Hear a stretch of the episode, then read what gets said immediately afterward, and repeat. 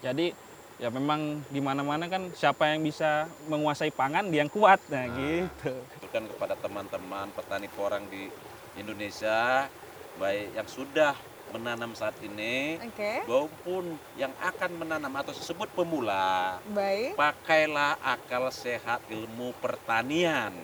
Ya, itulah su- suka duka. Harus ada yang dibayar Bayar. untuk mencapai tujuan. Ada yang harus Harus dibayar dibayar. dan dikorbankan. iya. Kalau yang mau mencari suatu tujuan. kalau mau sukses harus berkorban, Iya. harus ada yang dikorbankan. Harus ada yang dikorban.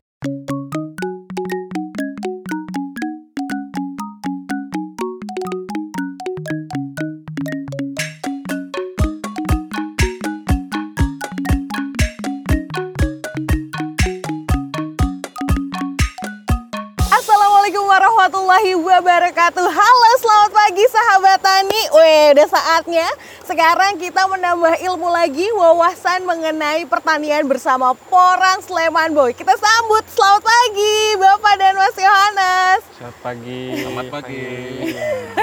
Bagaimana kabarnya hari ini Bapak dan Mas Yohanes? Ya, baik-baik aja. Alhamdulillah Luar ya biasa. Luar biasa baik-baik aja Oke, ngomongin soal porang Sleman Boy. Ini mungkin mas sahabat tani bingung, ini porang tuh apa? Padahal sebenarnya porang itu kayak tanaman yang jadi primadona di Indonesia. Wah, seperti apa dan bagaimana nanti kita langsung tanyain.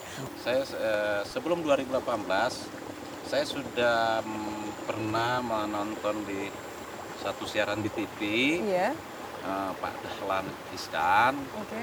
mem- mau mengampanye berkampanyekan Iya, tentang tanaman porang ini dia dalam di situ eh, Bapak beliau mengatakan ini tanaman yang akan menjanjikan yaitu dalam saat itu dia akan mendirikan mereka akan mendirikan pabrik yang begitu besar. oke. Nah, kemudian saya lihat wah tanaman ini dua musim dua kilo pada saat itu Dua musim dua kilo. dalam dengan bibit kata Oke. sebelum saya saya dengar gitu saya lihat wah ini gampang sekali bikin 2 kilo nah, Iya. itu dalam pemikiran saya Heeh, pada kemudian awalnya. hilanglah itu seiring dengan waktu tahun 2018 muncul lagi seperti yang di, di saudara Mas Anes tadi eh, saya suka nonton YouTube tentang pertanian.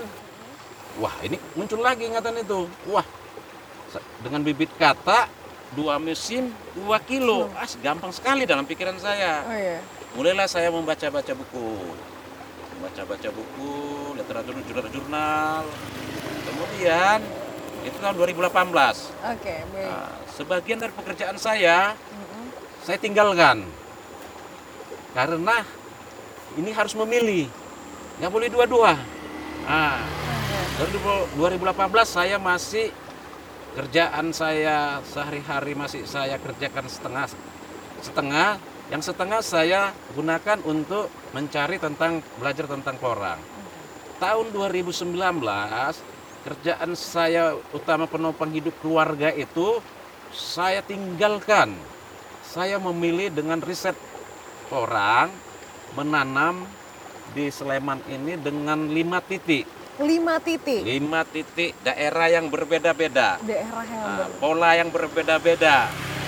Ada di bawah naungan pohon sengon ada tanpa naungan. Yang naungan pohon sengon ini juga ada pakai emulsa yang tanpa naungan tidak memakai mulsa. Nah, sampai saya meneliti itu sampai ketinggian 726 meter meter di atas permukaan laut Iya. lokasinya yaitu di sini namanya ngepring. Oh, apa. Nah, jejaknya semua masih ada. Nah, akhirnya saya temukanlah uh, aplikasi kami, kami temukan dari penelitian ini bahwa ini bisa dipanen dari satu bibit kata yang 200 butir per kilogram ke bawah itu satu musim bisa dengan minimal satu kilo dengan Oke. bibit kata karena bobot un- untuk dia diproduksi masuk kita jual ke pabrik pada saat itu masih 0,5 a- ada yang 0,5 Oke. ada yang satu kilo Oke. Nah, tetapi kita sudah berusaha untuk satu kilo cari titik aman ternyata bisa kita temukan kita bisa berhasil membuat orang ini dari bibit kata eh, 200 butir per kilogram ke bawah dengan satu kilo sehingga kita titik nyaman untuk menjual ke pabrik Oke. karena pabrik tidak bertanya kalau kita jual umbi yang satu kilo itu kita pabrik itu tidak bertanya ini umur umbi satu musim apa dua musim itu tidak bertanya tidak bertanya ya. Eh, tidak Jadi lebih kepada bobotnya, Iya, fokus. bobotnya bobotnya. untuk sementara ini Oke. nah akhirnya setelah kita temukan itu di tahun 2020 ini kita menanam sebanyak 5 hektar setengah mendekati 6 hektar lah Iya. di sini dengan dengan pola yang sama. Jadi terencana, terukur. Nah, jadi kita itu bukan bukan coba-coba lagi. Nah, bukan coba-coba. Nah, mungkin dari Mbak kemarin sore ya Iya. kita sudah jalan beberapa Iya. titik. Betul betul sahabat Tani. Iya, kita ya ada jalan beberapa titik. Semua seragam cara-caranya. eh, pokoknya dia terukur lah. Nah, kira-kira begitulah awal mulanya. Awal mulanya. Masih inovasi terus. Nah, berinovasi terus. Orang Sleman Boy tidak berhenti berinovasi. Wah keren. Jadi buat sahabat Tani terus berinovasi Iya. dan kita bakal contoh lagi bagaimana Porang Sleman Boy melakukan budidaya. Tapi pertanyaan terakhir menutup segmen kita mengenal lebih dekat. Febi mau tanya juga nih, kalau kenapa sih ya tang bagaimana tanggapannya Porang Sleman Boy itu kenapa orang-orang kok berlomba-lomba untuk budidaya porang? Ya kalau dilihat dari eh, keadaan sekarang ya, Oke. eh, orang berlomba-lomba menanam porang itu ya satu tadi gara-gara dia lihat prospeknya ke depan. Betul? Ya mungkin orang banyak kan menganggap porang ini tanaman investasi. Oke, Untuk baik. jang- karena jangka panjang kan orang tahunya dua tahun. Tiga tahun. Tiga tahun. Jadi buat tabungan. Iya, oke. Dengan harga ya yang lumayan lah gitu Lumayan. kan. Ya baru kalau dengan keadaan sekarang kenapa orang rame nanam porang ya gara-gara pandemi ini. Oh. Nah. Jadi berpengaruh ya Iya, pengaruh. salah Salah satu. satu itu. Salah satu. Caranya kalau kita lihat ya, Heeh, eh, dari semua bisnis, Iya. eh, dari pandemi ini, semua bisnis itu rata-rata tutup, turun lah istilahnya. Oh iya, Mengalami- pasti. Mengalami penurunan, penurunan. signifikan. ya. Tapi kita lihat bisnis pertanian, nggak ada turunnya, Iya benar. Naik terus walaupun pandemi. Walaupun pandemi, Ya, orang nggak punya uang karena orang butuh makan, Iya. butuh sesuatu hal. Karena porang ini kan eh, termasuk golongan tanaman pangan gitu. Termasuk golongan Golongan tanaman tanaman pangan. Iya. Jadi ya memang di mana-mana kan siapa yang bisa menguasai pangan dia yang kuat, nah gitu.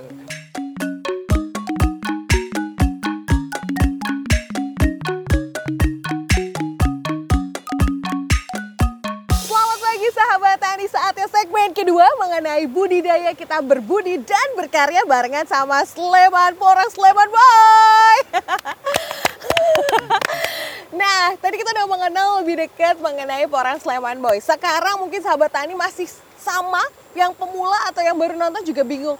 Ini tuh porang tuh apa sih? Jenis seperti apa sih? Tadi sebut ngebahas pangan-pangan, tapi kita harus lebih kulik lebih Oke, dalam lagi. siap. Sebenarnya porang tuh apa sih, Mas? Oke gini ya. Jadi porang ini itu tanaman tergolong dari apa? Pangan. Oke, golongan pangan. Nah, jadi yang masih menggunakan ini sebagai pan- pangan itu masih negara Cina, Oke. Jepang dan Korea. Itu sebagai makanan pokok mereka. Makanan pokok mereka. Iya. Mereka, eh, nanti porang ini dijadikan tepung, Oh, ba- baik. diolah jadi tepung, baru nanti tah dibikin jadi mie kah, Oh. jadi beras, jadi bu buat eh, pelengkap bubur, tahu gitu. Macam-macam lah. Macam-macam ya? Macam-macam. Pokoknya dia jadi 70% porang ini kegunaannya buat pangan gitu. 70% buat pangan. Tapi kenapa cuma di negara luar ya? Kok kita hanya stuck di nasi, ya? kayak- nasi dan kalau, beras Kalau ya? analisa kita gini, Gimana? jadi kan kalau eh, karena ini harganya mahal, Oh, Oke. jadi kalau ha- dari harga produksinya itu mahal, Oke. nanti kan di pasaran juga pasti mahal juga. Oh. Sedangkan di Indo- Indonesia ini analisanya gini, Indonesia untuk biaya makan itu hanya sebatas murah dan kenyang. Oh iya ya, bener juga Nah, ya. kalau di negara yang ber- maju, mereka udah mikir pola kesehatan. Nah, gitu. Mau harganya mahal, saya yang saya makan ini yang penting saya sehat. Karena kesehatan juga mahal kan ya, Iya, mahal gitu. harganya. Oke oke, sebenarnya kalau dibuat mie gitu, dibuat eh, dibuat tahu dan segala macam itu berarti khasiatnya amat sangat tinggi dong kalau untuk Pasti, kesehatan. Iya. Jadi juga ini seperti untuk makanan diet. Nah, jadi dia punya rasa kenyang. Nah, Jadi kalau kita makan kenyangnya ada, uh, antibodinya ada, kesehatannya juga apa? Ada. Oke. Ah, ah, jadi bukan kenyang aja. Iya ya kan Iya. kita kadang Nah, karena apalagi apa pandemi ini kan, iya. dibutuhkan makanan yang bisa bikin kenyang, bikin sehat, bisa bisa bikin antibodi. Oh, jadi Nah. kayak pro kayak vitamin Iya, gitu ke badan gitu iya. ya. Dan dia juga apa gulanya rendah. Beda sama nasi kan Oh iya, tinggi. oh, oh iya bener ya. Jadi kadar gulanya rendah. Iya. Wow. Jadi kalau ini porang ini kalau misalnya udah diciptakan jadi mie, iya. itu kita rendam seharian juga mie-nya nggak nggak nggak ngembang gitu. Gampang. Beda sama kayak Oh, mie biasanya. Ya. Mie biasanya kayaknya kalau per menit kita Iya. ngangkat terus langsung kena air tuh keserap gitu ya. Iya. Tapi kalau kalau em, dari Porang ini ya. porang ini enggak ya, dia Iya. akan stuck segitu. stuck gitu ya. Ya, jadi Maka- harapan kita ya kepada pabrik-pabrik mie yang ada di Indonesia ini Kenapa nggak pakai Iya, tanaman porang gitu ya? Cobalah sedikit demi sedikit mencampurkan tepung porang yang disebut glukomanan Oke. untuk pencampur baik Indomie, Sari mie, ada pabrik-pabrik mie lah. Saya rasa pasti apalah, Oh, Iya. ah, pasti ada pembelinya lah. Iya, Sehingga ya para petani porang di Indonesia ini terlindungi ah, dalam eh, dalam arti terlindungi harganya bisa stabil. Stabil. Akhirnya bahwa kok bahwa petani porang itu adalah maharaja. Nah, Ah, itu adalah salah satu moto porang Sleman Boy. Petani adalah maharaja. Wow, petani adalah maharaja. Ya. Iya juga sih, Ya. karena kalau misalnya nggak ada petani kita nggak tahu deh gimana nasibnya. nggak tahu makan apa. Iya kan nggak tahu nasibnya kayak apa. Khasiatnya luar biasa ya. Iya. Porang ternyata. Tapi kalau ngomongin soal eh, porang gitu kan, tanaman yang seperti umbi, itu pengolahannya seperti apa sih? Berarti harus jadi tepung dulu, nggak bisa kita makan langsung apa gimana? Jadi kalau misalnya udah masuk ke tahap eh, Produksi. produksi Iya. ini kan kita panen umbi basah lah istilahnya. Oke. Panen umbi basah, Umbi basah tuh kayak ya umbi Gelondongan. Oh, gelondongan. Gelondongan. Oke, oke, baik. Nanti itu biasanya kalau orang kebanyakan sih itu di apa di slice gitu. Oke. Jadi chip, Oh. bentuk chip gitu. Nanti Kayak chips kayak kentang goreng gitu ya. Iya. Bisa, bisa berbentuk stick, Oh, bisa berbentuk sesuai dengan ukuran ukuran bentuk umbinya. eh, umbinya. Nah, nanti itu di, dikeringin. Ada yang ngeringin pakai matahari, ada juga yang pakai oven. oke itu baik. tergantung orangnya aja lah. Ah, ah, gitu. tergantung dari petaninya mengolahnya gitu Nah, ya. Jadi itu juga pasaran juga kan beda juga Pasarannya gitu. juga Habis beda. itu nanti dari sini nanti dikirim keluar, nanti di sana lah diolah. Kalau di Indonesia sendiri udah ada, sih sudah pabrik. Ada penepungnya, Heeh. misal Wow. komanan ada, tapi ya informasi-informasi tentang porang menjadi tepung, Heeh. untuk terus pabrik bikin glukomanan, pabrik-pabrik sendiri itu umumnya menutupi informasi itu. Oke. Ah, ah, maklum lah di Indonesia ini kan suka-suka nutup-nutupi. Kenapa ya? Ya iya, Padahal itu kan benar. informasi buat pangsa pasarnya petani. Iya, Ini kan yang suatu di- informasi yang yang, dibuka luar hanya bohong-bohongnya, penipuannya aja dibuka-buka. Aduh, serem banget penipuan dan pembodohan-pembodohan itu ya Pak Iya, yang dibuka-buka. pembodohan Ini. Jadi- ini di Indonesia ini tersering terjadi. Iya. Kalau kita kasih tahu yang benar, nggak mau dengar. Kalau kasih dit- ditipu orang, dia mau ngikut. Kenapa ya? Ya. Kenapa kayak gitu ya? Udah budayanya kali. Ya. Udah budaya udah budaya, budaya aja, budaya. Atau mungkin karena orang-orang lebih suka eh, kata-kata manis Ya, dibanding mungkin, kata-kata eh, sebenarnya Tapi kan terjadi. kita nggak bisa makan hanya dengan kata-kata Kata. manis. Oh iya bener ya. mana ada mana ada yang manis bisa sukses langsung. Gak ada. Ya, harus sakit dulu lah. Dulu. Wow, ini luar biasa ya. Kita kalau mau sukses kita harus sakit-sakit dulu, jangan mau Iya. enaknya Aja, aja gitu iya, ya. benar. Wow, Artinya, wow. kalau dalam pertanian porang ini salah satu yang saya orang Sleman Boy anjurkan kepada teman-teman petani porang di Indonesia, baik yang sudah menanam saat ini Oke. maupun yang akan menanam atau disebut pemula Baik. pakailah akal sehat ilmu pertanian Nah, ya. akal sehat, Sehat ilmu pertanian. Itu seperti apa nih Pak? Menarik Nah, nih. menanam porang ini Iya. misalkan ya nah, kita kan banyak di Indonesia ini perguruan tinggi yang hebat-hebat yang tamat-tamatannya mengaku sangat hebat. Kita Iya. sebutkan aja ada daerah di Bogor sana. Itu khusus pertanian apa namanya? Oh, Mungkin iya, iya, ini tahu lah di Jawa di Jawa Tengah ini juga ada universitas itu. Iya. baik negeri baik swasta di Indonesia ini. Coba ditanya diri dari universitas itu apa sih sumbangsi kami kepada petani porang di Indonesia ini? Sehingga masyarakat petani porang itu memakai akal sehat ilmu pertanian. Nah, kalau kalau kepada pemerintah jangan banyak berbanyak jangan banyak berharap sama pemerintah itu. Oke.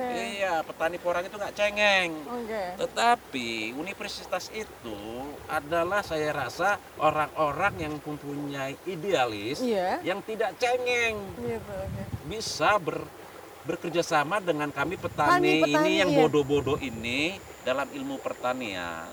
Supaya mereka melakukan penyuluhan kepada kami baik. petani ini sehingga hasilnya sehingga menghasilkan apa? Produktivitas yang tinggi. Misalkan dari pengolahan lahan ya kan? Pengolahan lahan itu kan harus bagaimana lahan itu yang sehat Oke. yang gembur karena ini adalah untuk umbi-umbian Oke. kemudian dalam pemeliharaan karena dia tumbuh di musim hujan bagaimana cara mengatasi jamur Oke. kan harus begitu mbak Iya benar sih Ah. ya. Karena kadang kalau misal petani ya kalau yang awam nanam nanam aja ngikutin Iya. eh, ngikutin i- leluhur-leluhur yang dulu Iya. dilakukan Iya. gitu. Jadi contohnya tadi pertanyaan si Mbak tadi apa sih akal sehat ilmu pertanian? Iya betul. Contohnya di sini. Iya. nah, contohnya salah satu.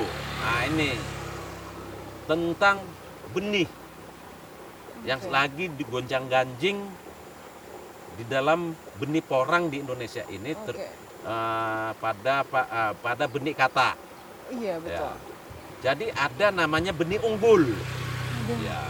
Ingat ini ya benih unggul. Iya. Nanti orang Sleman Boy sendiri akan bahas di kontennya Iya, cara uh, benih unggul ini.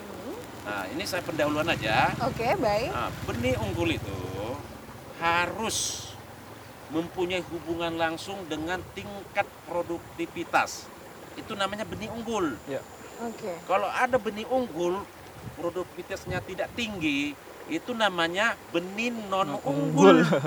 Oh iya iya iya iya benar benar benar. Eh, baru baru komponen benih unggul itu apa sih? Iya betul. Nah, menurut orang Sleman Boy itu ada empat Ada empat. Iya. Yang pertama ini apa pak?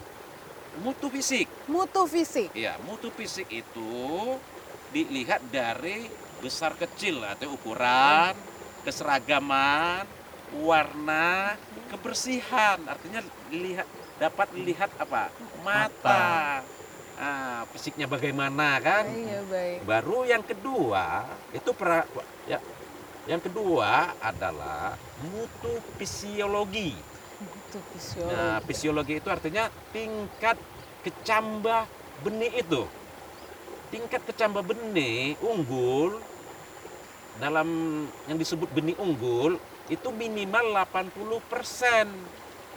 Nah, Oke. dari benih itu itulah tingkat ke- Kecambah. kecambah. Kalau orang Sleman boy, benihnya itu sudah di atas 95 persen tingkat kecambahannya. Wow. Nah, baru ting- tingkat ketahanan dia tumbuh setelah benih itu kecambah, tingkat ketahanan Ketahanan tumbuh. Ah, itu minimal 80%, tapi orang Sleman boy itu di atas 96% tumbuh. Nah, lihat ini sekitar kita ini semua. Ini Iya. tanpa ada kita sulam. Nggak ada sulam. Tidak ada sulam. Tanpa nanam bibit polybag. Tanpa dari polybag. Ini langsung benih. Jadi benar-benar benih ditaruh di Iya. lahan. Iya. Bukan di polybag dulu baru dipindahkan Ah, ke itu lahan. Kerjaan dua kali. Haram gitu kerjanya. Haram sahabat Haram. tadi serem. Ah, porang Sleman Boy melakukan pembenihan nanam porang dengan masukkan ke polybag dulu Iya. baru ke situ Ke lahan? itu haram secara ekonomis waktu Tuh, banyak lah tuh. itu nggak nggak kita sarankan gitu nggak ekonomis kedua tadi udah mutu fisiologi Oke. mutu genetik mutu, mutu genetik ya ini kita nggak tahu nih itu sehubungan dengan paritas Varietas. Nah, tapi kita nggak tahu. Menurut kita sampai saat ini belum ada paritas Hmm. tentang benih unggul, tentang bibit kata maupun bibit Bibit umbi. umbi, Umbi. Oh iya. Nah, mau- maupun bibit spora. Itu kita belum tahu. Nah, ketiga, keempat, mutu kesehatan. Mutu kesehatan. Nah, jadi mutu kesehatan itu adalah ah, bahwa benih itu tidak terinfeksi atau terkontaminasi dengan patogen. Patogen. Patogen itu dalam pertanian ada tiga, jamur, bakteri, dan virus. Orang Sleman Boy sudah lakukan ini keempat kecuali mutu genetik. Nah. Saudara-saudara petani porang di Indonesia, inilah teknik pembenihan dan menggunakan akal sehat ilmu pertanian. Oke. Saya lihat banyak teman-teman di Indonesia ini nanam mungut di benih kata supaya bagus katanya alami ditaruh di dalam tanah.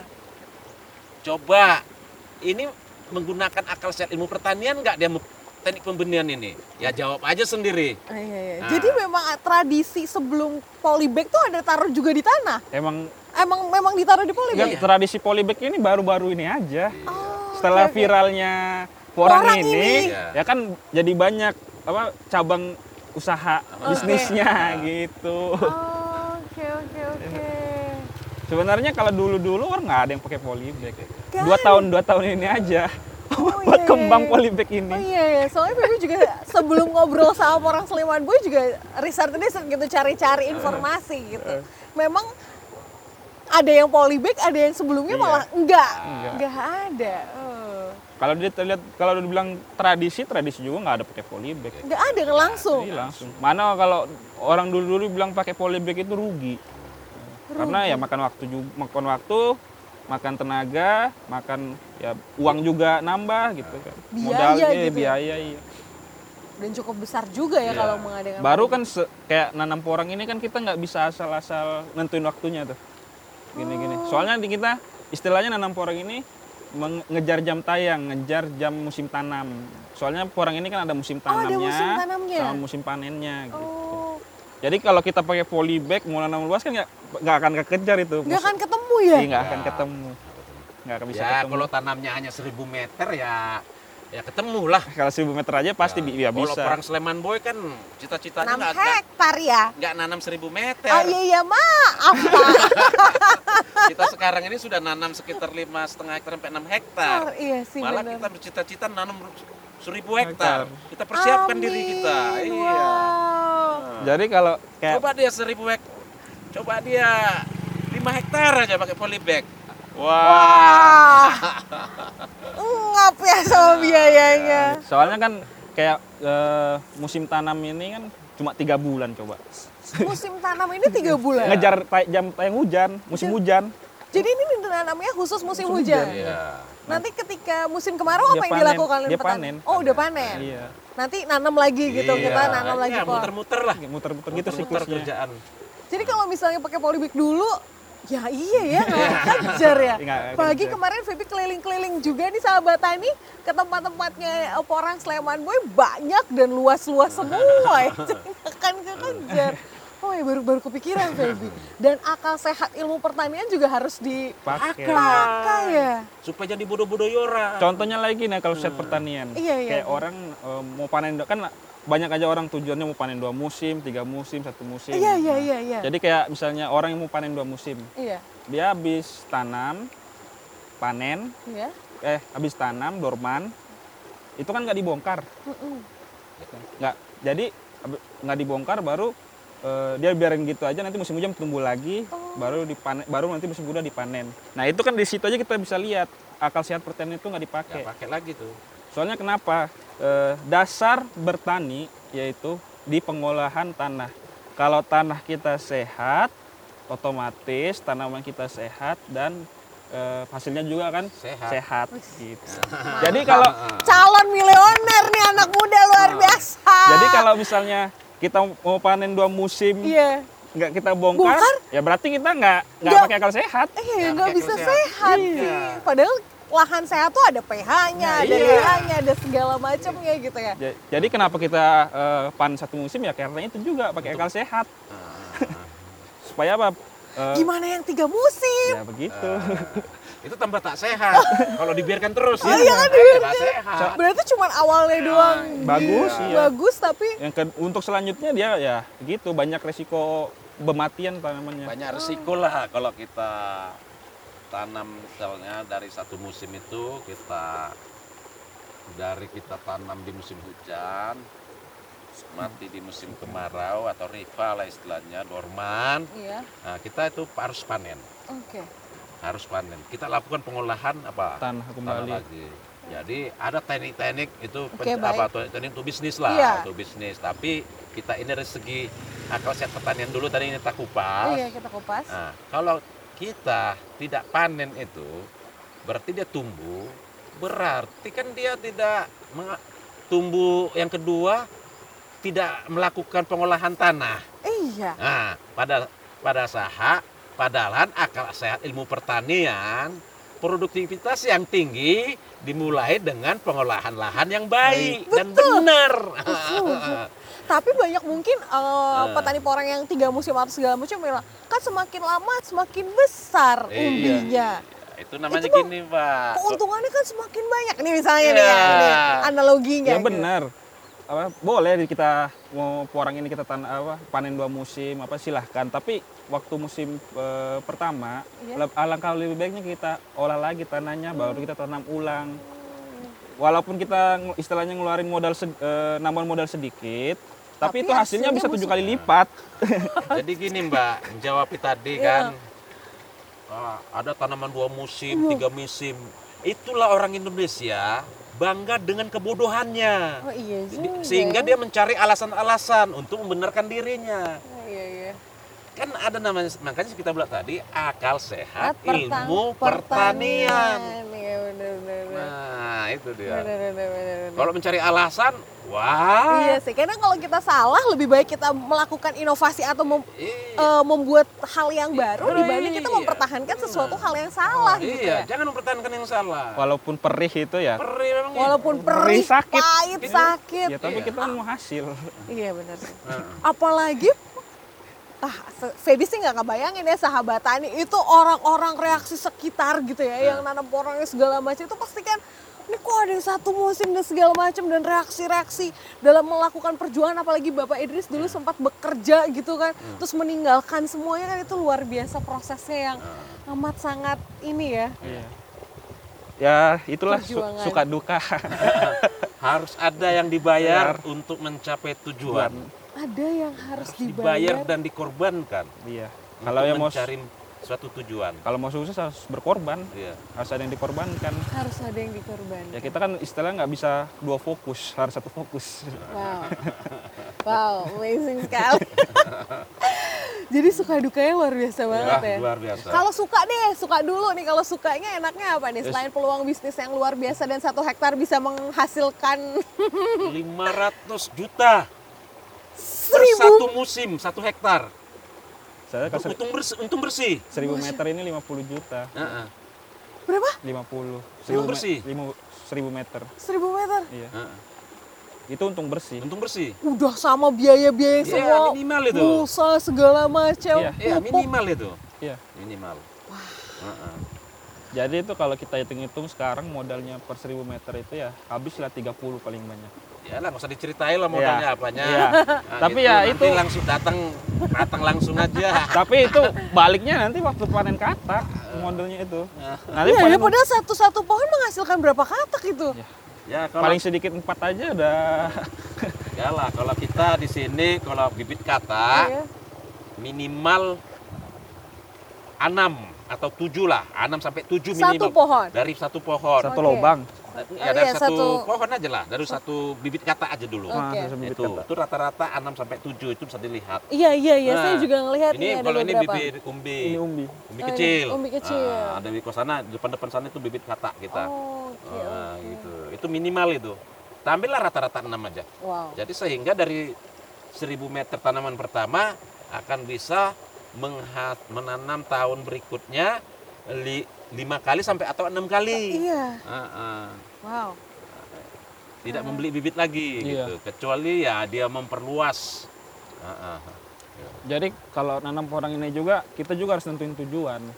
Tujuan. Iya, soalnya tujuan di porang ini banyak. Orang nanam porang ini tujuan bermacam-macam gitu. Kayak ada yang orang nanam porang cuma ingin cari bibit. Ada orang nanam porang untuk penghijauan. Ada. Ada orang nanam porang untuk produksi. Si. Ada nanam porang untuk tabungan. Nah, Ah. kalau porang Sleman Boy menanam porang untuk Ya, Produksi. Wah. bisnis.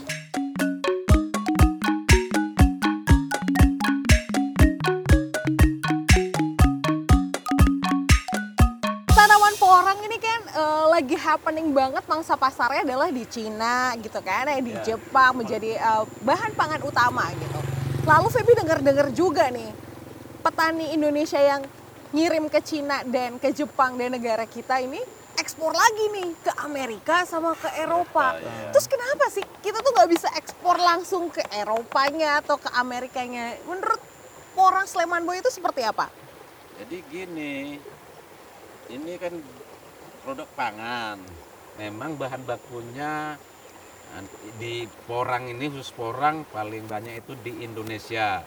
Mungkin di Thai, eh, Thai- eh, bukan bukan lagi Thailand juga tanam. Oke. Kamboja. Myanmar, Kamboja, Laos. Madagaskar, Laos. Oke. Tapi produknya paling banyak di Indonesia. Ah, ah. Kadang-kadang kita ini namanya politik lah suatu negara.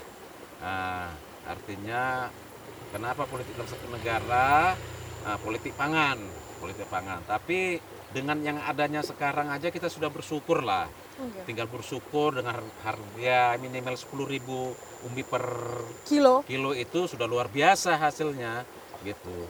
Nah, tapi kalau kami sendiri mengatakan untuk saat ini sudah bagus, tapi ini sebenarnya PR-nya pemerintah dan PR-nya pemerintah yaitu Menteri Pertanian dan Menteri Perdagangan kita ber ya bekerja sama lah. Berkolaborasi Kasih gitu ya. ya. Mem- men- karena bahan baku dari kita memang sangat miris.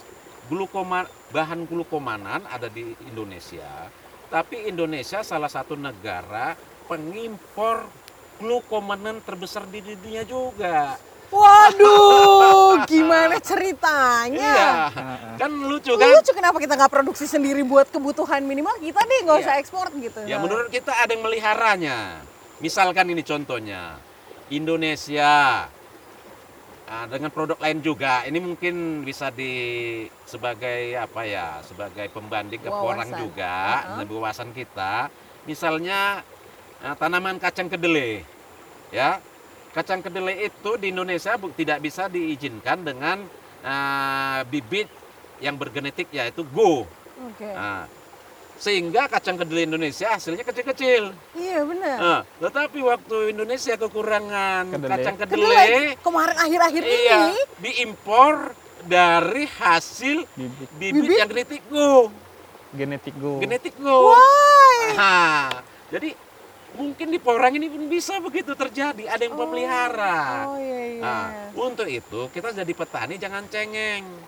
Marilah kita bekerja sama untuk mudah-mudahan ada orang ada ada seseorang baik pun pengusaha maupun siapa saja yang mulai mendirikan pabrik glukomanan sehingga bisa diproduksi dengan makanan-makanan lain bisa Oke. kayak es krim ikan mie salah satunya paling gampang itu mie Paling gampang tuh. ya mie. karena Indonesia ini udah ya mie itu udah sebagai makanan sehari-hari lah Iya benar. bermasyarakat. Oke. Kenapa tidak? Apa satu persen dulu tepung glukomanan itu dicampurkan ke bahan mie itu kan? Nah, Iya. kan lebih gampang kan? Iya. Karena ya tinggal mau tidaknya aja. Iya. Nah, misalnya harga dinaikkan sedikit juga saya rasa petani pe- petani juga eh, masyarakat juga pasti mau lah. Mau lah Nah, ya. tinggal ya, Kalau tinggal- cuman sedikit apalagi cuman Iya, kadarnya baru berapa persenan persenan aja.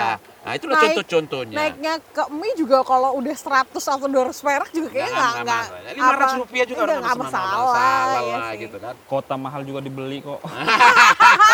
iya benar sama tadi bagian kota aja ya mahal tetap dibeli tapi iya benar-benar juga. Iya, sebenarnya banyak. Iya. Se- Sebenarnya banyak strategi-strategi Iya. supaya ah, kita kan dua, sekitar 280-an juta. Iya benar. Mulut kita coba. Ya kan? Iya, Kan memakannya. Kenapa tidak? iya benar. Ah, mungkin ini adalah PR juga dari Porang Sleman Boy, teman-teman yang penggiat petani porang di Indonesia ini. Marilah kita ciptakan lidah kita ini sedikit demi sedikit merasakan porang yang kita, hasil Pa- budidaya kita. Petani kita sendiri gitu Iya, ya. saya sendiri aja sudah bertani gini, Belum belum, pernah pernah makan. makan. Karena ada proses pengolahannya gitu ya. Wow. Iya. Iya, Kemarin eh kemarin saya sudah Oh, iya. sudah cicipi tapi tepungnya aja. Jadi ada kemarin ya tanggal berapa itu ya? Dua minggu yang lalu, eh tiga minggu yang lalu. Tiga minggu yang lalu lah.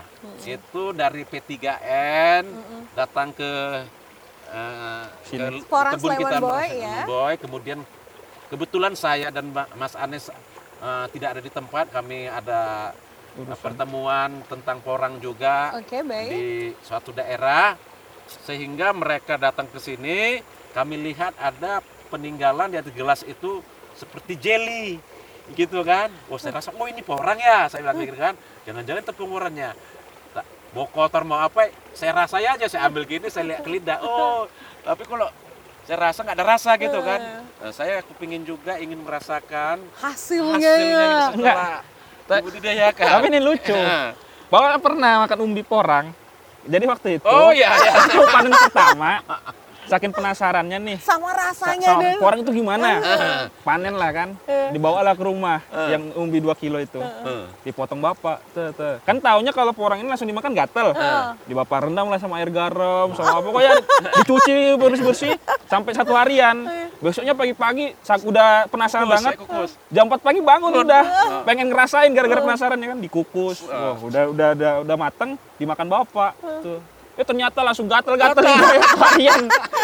karena masih ada getahnya Iya. dari umbi Ya, saking saking penasarannya. Penasaran, ya. tapi benar sahabat tani kalau misalnya banyak semakin pasar pabriknya semakin banyak pasti kita langsung bisa merasakan hasil dari Iya. porang pani itu Jadi, sendiri i- tadi itu sendiri Sehingga itu salah satu untuk menjawab tantangan kita Oke.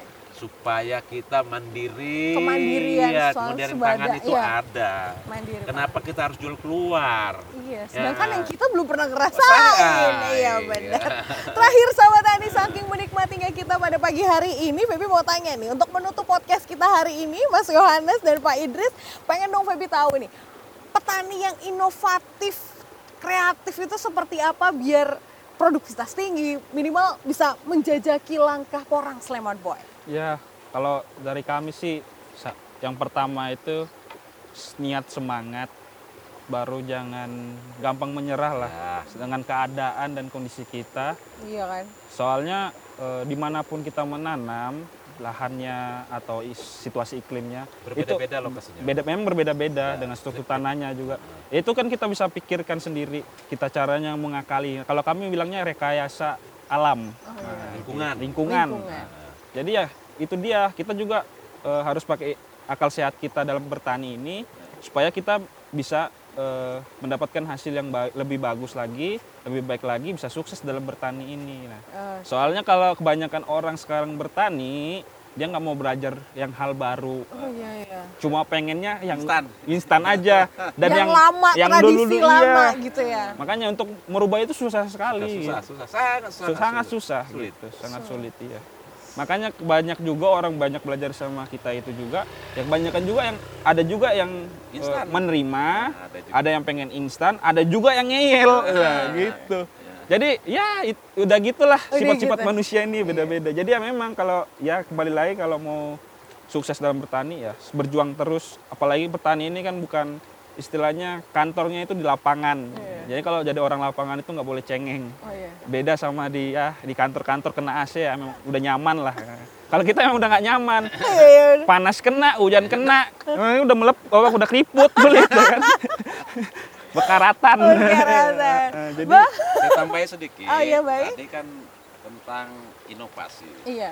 Supaya bisa kita berinovasi, itu akan supaya orang bisa berinovasi, maka akan timbulkan ide-ide. Nah, ide-ide untuk mencapai tujuan kita dengan waktu yang singkat, jadi teratur, hasilnya tinggi atau produ- produktivitasnya Produktivitasnya tinggi. tinggi. Salah satu ukuran pertanian adalah hasil itu dengan biaya Minimalis. seminimalnya, waktu sesingkat Singkat. singkatnya.